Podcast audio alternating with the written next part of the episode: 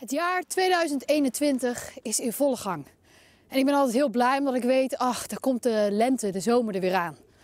En misschien ben jij het nieuwe jaar ook wel met goede moed begonnen. En denk je, ach, dit jaar wordt alles beter. Maar ik weet helaas uit eigen ervaring dat elk nieuw jaar ook nieuwe uitdagingen heeft. En dat je helaas geen controle hebt over de dingen die jou overkomen. De dingen die gewoon gebeuren. En hoe gaan we dan om met die dingen? Die dingen die ons overkomen, die, die uitdagingen. Want ik denk dat we ons allemaal wel herkennen dat er plotseling opeens iets heftigs kan gebeuren in je leven. Iemand zegt iets of er gebeurt iets. En je komt in een situatie die je volledig naar beneden kan halen.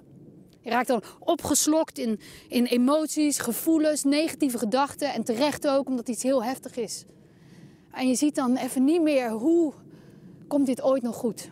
Is er nog wel een uitweg? Herken je dat?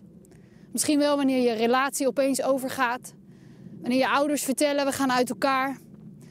Uh, of wanneer er een filmpje, video of, of, foto van jou gedeeld wordt die niet gedeeld had moeten worden.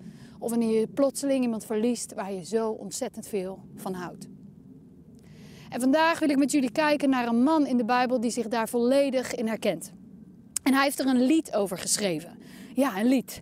In Psalm 42 en 43. Want die twee die horen eigenlijk bij elkaar als één psalm. En zijn leven verandert ook, plotseling. Zijn hele volk, zijn, zijn gezin wordt opeens overvallen door de vijand. En de vijand neemt hun hele volk mee als gevangenen naar hun land. En daar zitten ze vast, in oorlogsgebied, uh, niet wetende of ze ooit nog naar huis kunnen, of het ooit nog goed komt. En de schrijver is radeloos. Hij is onrustig en hij is verdrietig. Hij verlangt naar huis. Maar hij verlangt vooral naar God. Hij wil even iets van God voelen, iets van God horen. Maar het blijft stil. En de vijand maakt hem belachelijk. Nou, waar is je God nu dan? Komt hij je niet redden? En hij verlangt naar God. Hij zegt: Ik verlang meer naar God zoals een hert verlangt naar water. En hij smeekt eigenlijk God: God, wilt u voor mij knokken? Wilt u alstublieft ingrijpen? Maar God lijkt niet in te grijpen. Zijn situatie verandert niet. En het kan zo zijn dat jij je op dit moment misschien wel precies zo voelt. Dat je ook denkt: God moet nu ingrijpen. Ik ben onrustig, ik ben verdrietig. God, alstublieft, laat zien welke kant ik op moet. Doe iets, want ik weet het even niet meer. Ik zie geen uitweg meer. Nou, dan wil ik je vandaag toch uh, iets laten zien uit deze psalm. Want er gebeurt iets heel geks. In het begin van de psalm in 42 kan de schrijver alleen nog maar naar beneden kijken, naar het probleem komt nooit meer goed. God moet ingrijpen. Maar aan het einde van de psalm, in 43, is hij opeens super positief. En zegt hij: Ja, door God ben ik blij. God is mijn rots. Wat is daar gebeurd? Ik bedoel, hij zit nog steeds gevangen in een ander land. Het is nog steeds hopeloos. En God heeft nog steeds niet ingegrepen. Wat is er dan veranderd? Wat? Nou, dat lezen we in het refrein van het lied. En in het refrein zegt hij dit. Hij zegt, wat ben je bedroefd, mijn ziel, en onrustig in mij. Vestig je hoop op God. Want eens zal ik hem weer loven, mijn God, die mij ziet en redt. Hij begint eigenlijk gewoon tegen zichzelf te praten. Tegen, tegen zijn eigen ziel. Je ziel is, is zeg maar alles wie je van binnen bent, wat je van binnen voelt. Alsof hij tegen zichzelf zegt: Waarom ben je zo verdrietig? Waarom ben je onrustig? Ja, het is, het is ellendig. Maar kijk eens omhoog. Vestig je hoop op God. Alsof hij tegen zichzelf zegt: Je moet niet alleen naar beneden kijken, je moet naar boven kijken. En dan begint hij eigenlijk God te aanbidden. Eens zal ik u weer loven, mijn God die mij ziet en redt. Want omdat hij, omdat hij de keuze maakt om naar boven te kijken, kan hij opeens de situatie van bovenaf zien. En ziet hij zijn leven door Gods ogen. En ziet hij, oh ja, God ziet mij. Hij redt mij. Er is hoop. Het zal weer goed komen. Ik zal weer dansen. Misschien denk jij wel, ja hallo. Hoe kan ik God gaan aanbidden als ik me helemaal niet blij voel? Als mijn situatie super ingewikkeld is, hoe kan dat dan?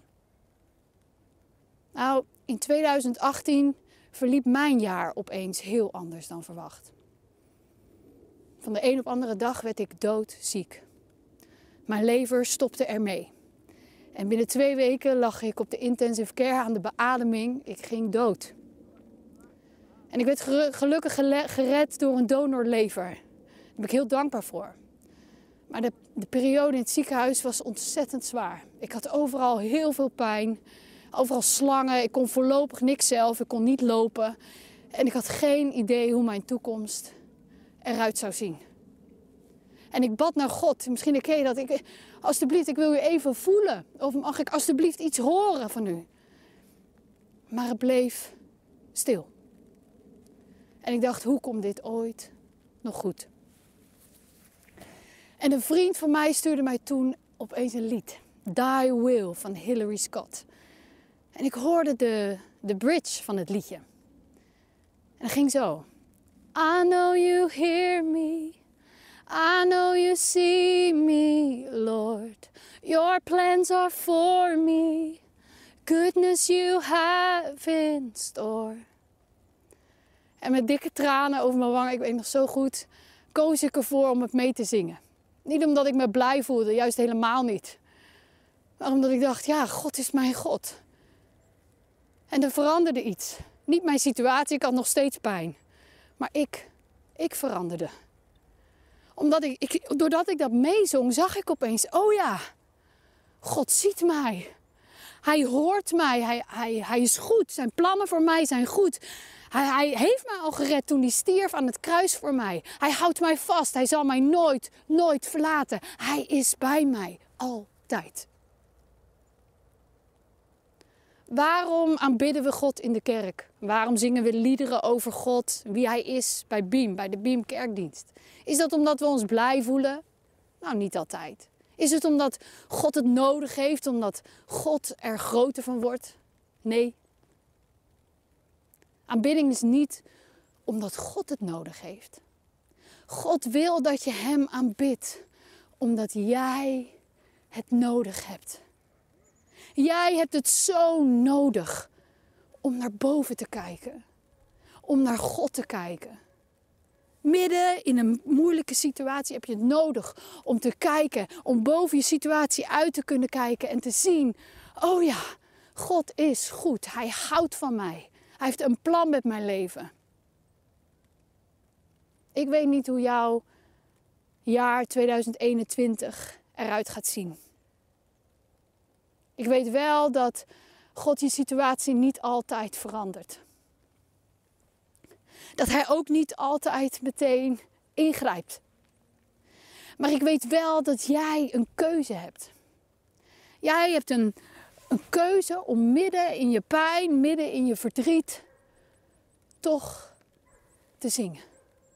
Jij hebt een keuze om hoe je je ook voelt, toch naar boven te kijken. Om naar God te kijken. Misschien wel inclusief, inclusief tranen, inclusief vragen, inclusief boosheid of twijfels, want die had ik ook.